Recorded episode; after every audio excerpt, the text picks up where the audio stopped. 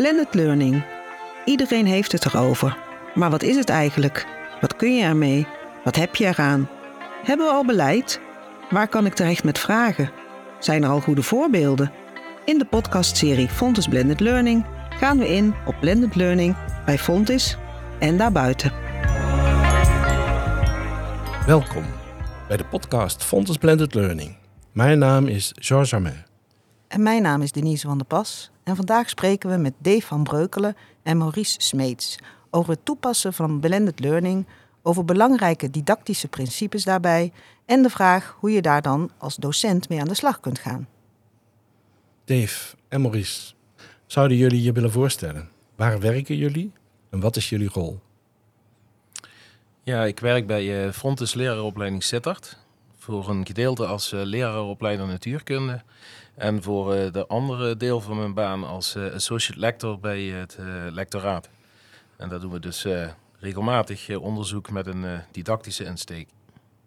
Maurice? Ik werk ook bij Fonds Lerarenopleiding Sittard. Ik ben de opleidingscoördinator van de opleiding natuurkunde. Ik ben er ook lerarenopleider en uh, dialoogcoach. En dankjewel. We zitten natuurlijk in de podcast Fonds Blended Learning. Maar hoe zijn jullie zelf ooit met blended learning in aanraking gekomen? Ja, daar kan ik wel wat op zeggen. Um, we hebben natuurlijk de, de coronapandemie gehad. En uh, in die tijd zie je dat uh, docenten um, ja, opeens online les moeten geven. Um, en vervolgens ja, komt de struggle van hoe doe je dat dan? En toen hebben een, een oud collega van mij, Hanneke Telen, die nou bij Zuidhogeschool werkt, en, en ik, hebben gedacht van laten we nu eens gaan kijken naar belangrijke didactische ontwerpprincipes voor, uh, voor e-learning, zoals wij dat noemden. Dat is een breed spectrum, waar blended learning ook uh, onder valt. En uh, op basis daarvan, de uitkomsten daarvan, hebben we gezegd laten we eens een keer een module van onze natuurkundeopleiding een keer verblenden, zoals we dat dan netjes noemen. En ja, dat was een, ja, een mooie try-out om te kijken hoe je dan uiteindelijk van didactische ontwerpprincipes richting ook echt onderwijs gaat. Yes. En jij? Ja, die, uh, die module of die cursus, die, die gaven we al samen. Dus dat was, die keuze was snel gemaakt. Er was warmte, vloeistoffen en gassen, heette die module. En, dus die hebben we zo snel gekozen. Nou weet ik toevallig dat je al heel lang met ICT en onderwijscombinatie bezig bent. Klopt, ja. Ja, ik ben eigenlijk altijd als er uh, bij Fontes zit dat uh, iets, iets, met ICT is, dan uh, ben ik er wel bij gevraagd. En zodoende, ja, leek me dit ook een mooie uitdaging. En hoe is dat bevallen? Nou ja, heel erg goed. We, zijn gewoon, we hadden er gewoon heel veel zin in. Kijk, het was eigenlijk zo dat Dave had, had dat literatuuronderzoek gedaan. En het was eigenlijk mijn idee dat ik zei, goh, laten we nou ook een keer zelf helemaal toepassen. Laten we gewoon een cursus nemen en, en ja, die volgens de regeltjes van de kunst verblenden. Daar zeg je iets moois. De regeltjes van de kunst. Wat zijn die regeltjes dan? Ja, die regeltjes, um, dat, dat zijn meer categorieën. Die, die, die extra belangrijk zijn bij het, uh, bij het ontwikkelen van een, een blended cursus. Um, ze zijn niet extreem nieuw. Bijvoorbeeld uh, een, een belangrijke is, uh, is samenwerkend leren, is een belangrijke strategie. En daar, ja, dat kun je natuurlijk allemaal nog, nog opsplitsen en, en, en, concretere tips. Maar dat is een belangrijke categorie. Formatieve strategieën, waarbij studenten inzicht krijgen in, in hun vordering, in hun leerproces. scaffolding is een hele belangrijke. Dus dat je het echt structureert, niet te makkelijk maakt, niet te moeilijk maakt, enzovoort. En actief en authentiek leren is een belangrijke categorie. Dat zijn dus vier categorieën waarbij je een aantal suggesties hebt voor ontwerpprincipes. En vervolgens uh, uh, maak je een keuze voor wat je wel en niet doet. En, en, vooral is het belangrijk om niet alles te willen doen. Dus je, je moet afhankelijk van de, van de cursus, uh, kies je de dingen die geschikt zijn voor dat moment. En dan bedoel je de combinatie van die vier die je net noemde? Ja, dat klopt, ja. ja dus in principe komen alle vier de elementen, alle vier die ontwerpcriteria, die komen terug in, in zo'n cursus. Um, ja, ik heb daar verschillende vragen over. Um, op deze plaats hebben we het uh, in het voorgesprek ook even gehad over ontwerpprincipes en didactische principes. Is daar een verschil tussen? Ja, je zou kunnen zeggen dat ontwerpprincipes uh, wellicht wat, wat, wat algemener zijn dan, dan uh, didactische principes. Maar ik vind, de, hoe je de dingen altijd noemt, vind ik in principe nooit zo belangrijk. als je met de goede dingen doet. Ehm, Maurice, misschien... eh, Hm. Je hebt goede dingen zien gebeuren. Ik heb inderdaad eh, goede dingen zien gebeuren, ja. Toen we, toen we begonnen zi- zijn we eigenlijk gestart met een, eh, met een brainstorm. Dus we hebben op een, op een bord hebben eigenlijk alles, alle onderdelen, onderwerpen van die cursus hebben we op een rijtje gezet. Wat zit er nou allemaal in die cursus? Welke inhouden zitten erin? En op welke manieren zou je ja, recht kunnen doen aan die vier categorieën die Dave net, eh, net noemde? En zo ontstaat dus een beetje zo'n eh, ja, een heel grote mindmap of woordspin, hoe je het wel wil noemen. Met, eh, ja, met mogelijke kansen die de cursus eh, zou bieden als je hem gaat, eh, gaat verblenden. En daar hebben we eigenlijk op basis daarvan hebben we keuzes zitten maken. Van nou, wat kunnen we nou die studenten goed thuis laten doen? Welke, ja, en hoe doen we dat dan? En wat, eh, ja, welke, welke bijeenkomsten doen we op het instituut met de studenten? Dus eh, met, met eh, fysiek onderwijs. En we zijn eigenlijk gekomen tot een, ja, tot een ongeveer 50-50 verdeling. We hadden acht bijeenkomsten normaal gesproken bij die, deze cursus. En eh, toen we hem verblend hadden, hadden we nog vier fysieke bijeenkomsten. En ja, de, de andere bijeenkomsten, waren, of ja, bijeenkomsten kun je daar niet meer van spreken, waren activiteiten die studenten thuis goed konden uitvoeren. Dat is wel heel grappig. Want ik heb net gisteren een artikel afgeleverd voor Surf Blended Learning. Die gaat over de effectiviteit van on-campus onderwijs en blended onderwijs. Waarbij, waarbij blijkt dat 50% online geen verlies in effectiviteit Mm. oplevert. En dat het zelfs een soort sweet spot is. Ja, dat idee hebben we ook wel achteraf wel, wel gemerkt. Dat, eh, toen we de cursus we hebben hem nog twee keer uitgevoerd. Of nee, twee keer nu, ja. En eh, ja, de resultaten, is dat, eh, de beoordeling en het tentamen die waren, was hetzelfde als in het verleden. En die resultaten waren ongeveer gelijk met, ja, met de oude situatie. Wat weten jullie van hoe studenten dat ervaren? Studenten, die, eh, die- uiteindelijk hebben ze het wel een positieve ervaring gevonden. Alleen, de, je merkt dat de mindset van studenten die moet om. Want eh, kijk, normaal bij, traditioneel onderwijs, dan ligt de focus in het kennisaanbod. Die ligt heel erg op het instituut. En vervolgens is, is het, het- wat ze thuis moeten doen, is een, is een verwerking van, van eh, de input die ze gekregen hebben. En als je een, cursus gaat verblenden, dan is het aanbod van het, van het materiaal, dat gebeurt vooral thuis. En tijdens de bijeenkomsten eh, moet je de verdieping zoeken.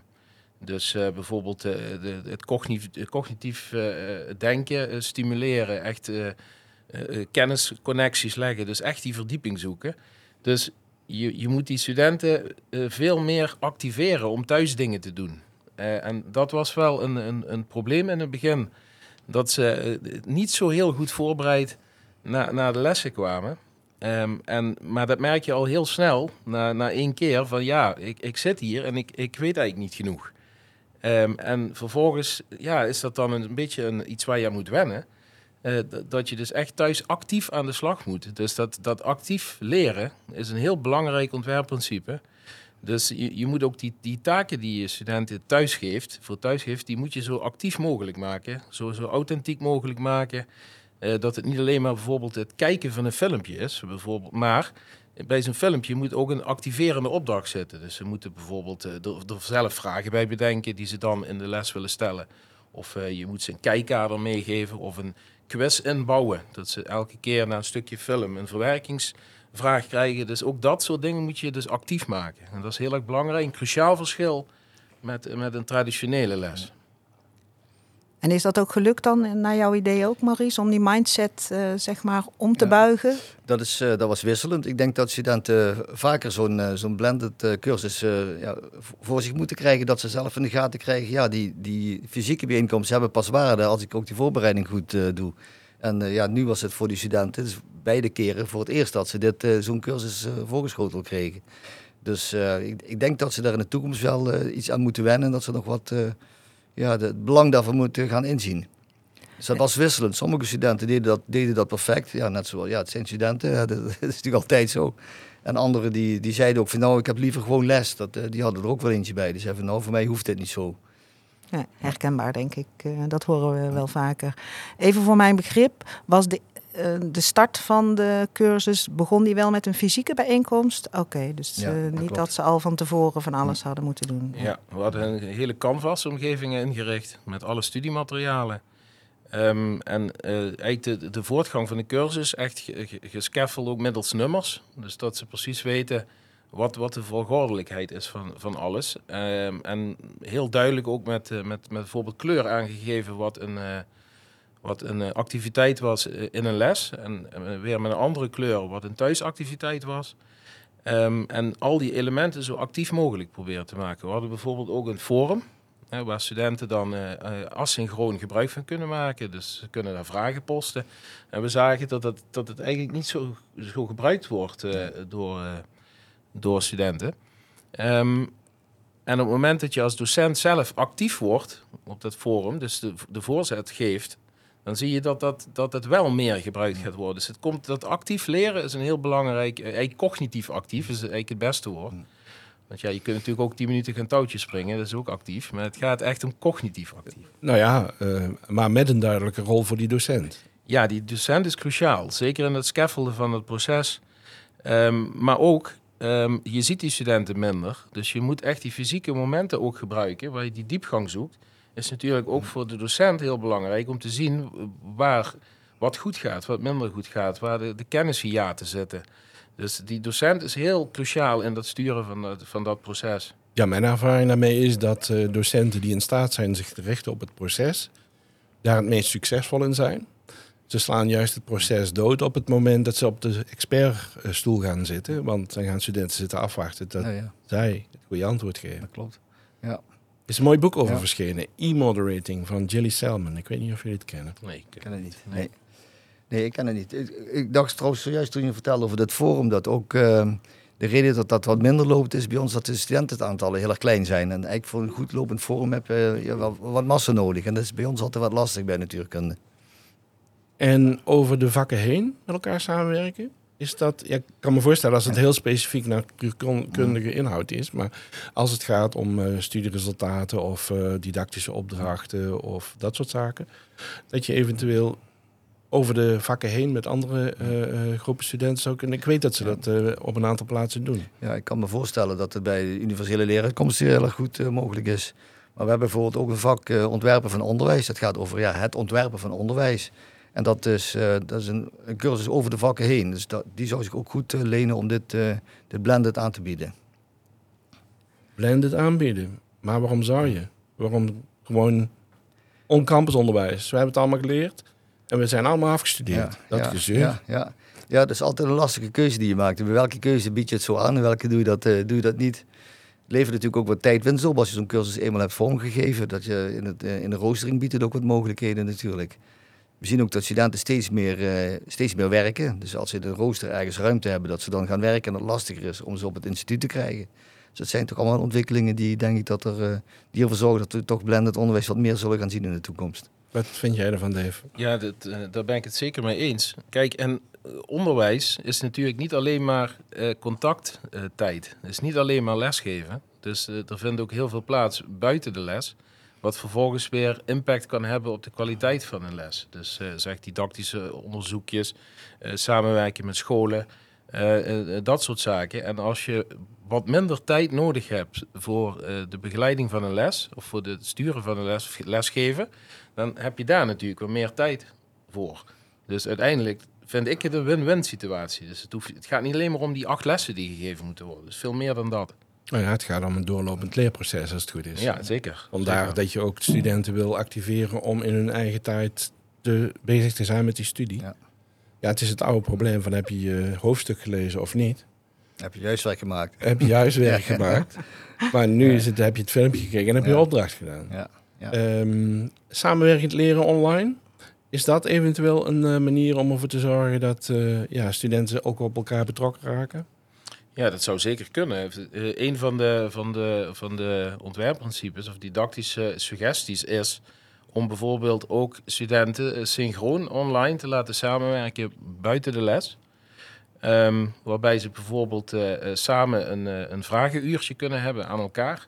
Van, van ik zit met dit probleem, hoe denk jij erover? Dus in principe zijn dat inderdaad elementen die je, die je kunt inzetten. Dat hebben wij nog niet geprobeerd bij, bij onze pilot, maar het zou, zeker kunnen.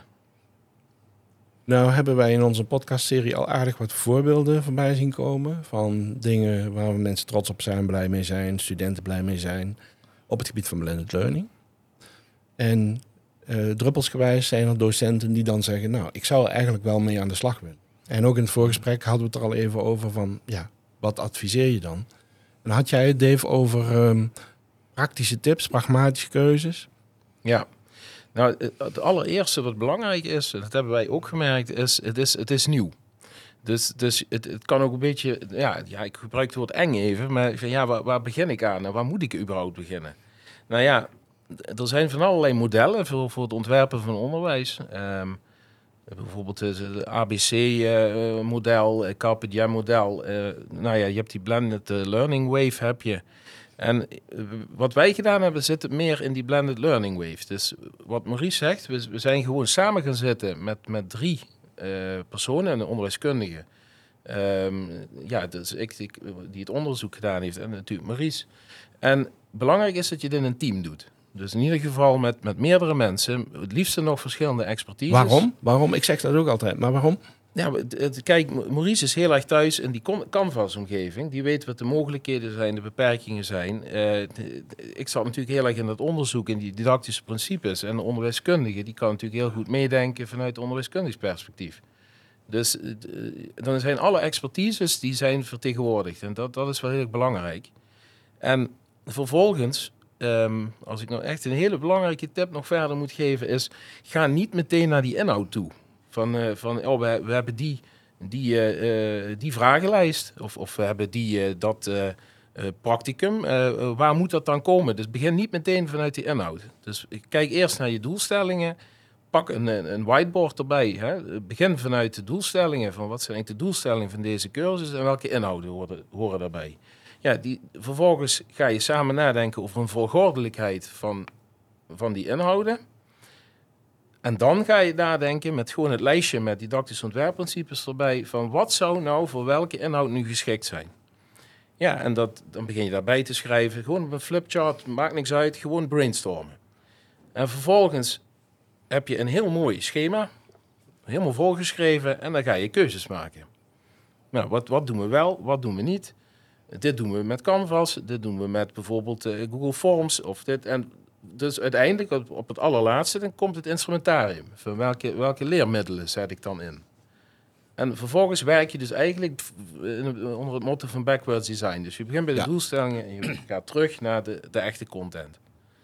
En dan plaats je alles in bij voorkeur één leeromgeving. Dus je, dus je moet zorgen dat je niet eh, tien verschillende eh, leeromgevingen met tien verschillende inlogcodes nodig hebt. Want usability is wel echt een heel belangrijk issue. Even een vraag aan de DLO-coach. Jij hebt een overzicht over wat er allemaal in Canvas gebeurt bij jullie. Mhm. Eh, zou je nou iets kunnen zeggen over welke soort cursussen, blended cursussen, eh, het meest succesvol zijn? Kun je daar iets uithalen waar je zegt van nou, denk daaraan? Nou, dat, vind ik een lastige, omdat eh, bij eh Fontes in Sittard nog niet zoveel cursussen blendend gemaakt zijn. Dus, dus daar heb ik niet de- moeilijk een antwoord op. Ik zou wel eh, een, tip eh, kunnen geven. Is dat, eh, je kunt natuurlijk klein beginnen. Als je, nog, als je nieuw bent in, ja, in blended learning, je kunt ook wel een keer zeggen, ik maak eens één keer een, een, inhoud, zet ik in een video met geïntegreerde vragen die ik daar stel over de, over de inhoud of over de concepten die aan de orde zijn. Dat kun je gewoon doen. Dan kun je één les, kun je dan ja, de studenten dat thuis kunnen laten bekijken. Je hoeft dus niet per se meteen een hele cursus blenden te maken. Dus ik zou echt, mijn advies zou echt zijn, begin klein met kleine dingetjes uit te proberen. Zo kom je later tot een, eh, ja, tot een hele cursus kun je komen. Ik denk dat dat een mooie eh, aanvullende tip is inderdaad om het ook iets minder eng te maken. Hè? De, de drempel wat, eh, wat te verlagen. Hoe is het dan bij jullie collega's? Zijn die ook al actief op dit gebied?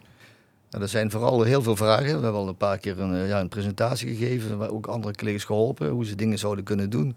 En dat komt wel langzaam op gang, heb ik gemerkt. Dus het is, en het komt vooral doordat vaak gedacht wordt dat je meteen een hele cursus blended moet maken. En da- vandaar ook die tip van begin gewoon. Gewoon beginnen en dan kijken hoe ver je komt. Ehm, het viel mij op, eh, Dave, in het voorgesprek dat jij over scaffolding, samenwerkend leren, activerend leren, ehm, gemakkelijk praten, alsof dat een vanzelf- vanzelfsprekendheid was. En misschien is dat ook eh, helemaal terecht in de, in de wereld van de lerarenopleiders. We hebben bij Fonds natuurlijk allerlei soorten docenten, ook mensen die net uit het eh, werkveld komen, Ja. eh, uit het bedrijfsleven, en dan toch in een didactische rol komen. Eh, heb je tips om je dat eigen te maken? Zo, dat is een, dat is een mooie vraag. Mooi hè? Ja, ja, ja, ja, misschien, ja, misschien is het verstandig als je in die rol komt om inductief te werk te gaan. Dus, eh, dus, dus kijk eens een keer met, met een collega eh, mee. Ehm, het onderwijs is nogal een wereld waar iedereen de deur vaak achter zich dicht trekt, zijn kunstje doet en dan eh, zo vroeg mogelijk naar huis wil. Maar nee, dat, is natuurlijk niet zo. Maar, maar kijk, kijk met een collega mee. Doe het, doe het vooral samen, dan leer je van elkaar. Dus het een soort inductieachtige samenwerking. Inductietrajecten, die, die werken ook zo. Maries, nog een eh, aanvullende tip?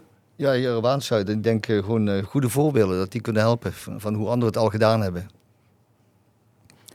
Oké, nou, ik eh, vind het mooie voorbeelden, mooie tips waar docenten zeker wat mee kunnen. We zijn helaas alweer aan het einde van het gesprek, maar we hebben altijd nog één afsluitende vraag. Zijn we nog iets vergeten? Hebben we nog iets gemist? Is er nog iets wat jullie de luisteraar nog mee willen geven? Ja, dat wil ik zeker. Ehm, in eh, januari eh, 2024, het kan misschien ook februari zijn, dan komt een, eh, een handreiking, verschijnt er, een digitale handreiking, waarbij we eigenlijk alle inzichten van, eh van Fontes en ook Zuidhogeschool en ook het eh, Thomas More Instituut in, eh, in Antwerpen, die hebben vergelijkbaar onderzoek gedaan. Eh, we hebben dat gebundeld bij elkaar gebracht en we gaan dus een handreiking voor practitioners uitbrengen die gratis te downloaden zal zijn. Waar, dat moeten we nog even kijken. En als het goed is kun je daar mee aan de slag om zelf je onderwijs te verblenden. Nou, dan kan ik in ieder geval toezeggen dat we via de website van het Scrum Team Fonds Blended Learning daar informatie over zullen geven waar dat dan te vinden is. Dat is mooi. Ik heb daar niets meer aan toe te voegen. Dankjewel, Maurice Smeets en Dave van Breukelen. Wil jij als luisteraar op de hoogte blijven van de ontwikkelingen, good practices van blended learning bij Fontes en bij andere onderwijsinstellingen? Abonneer je dan op deze podcastserie.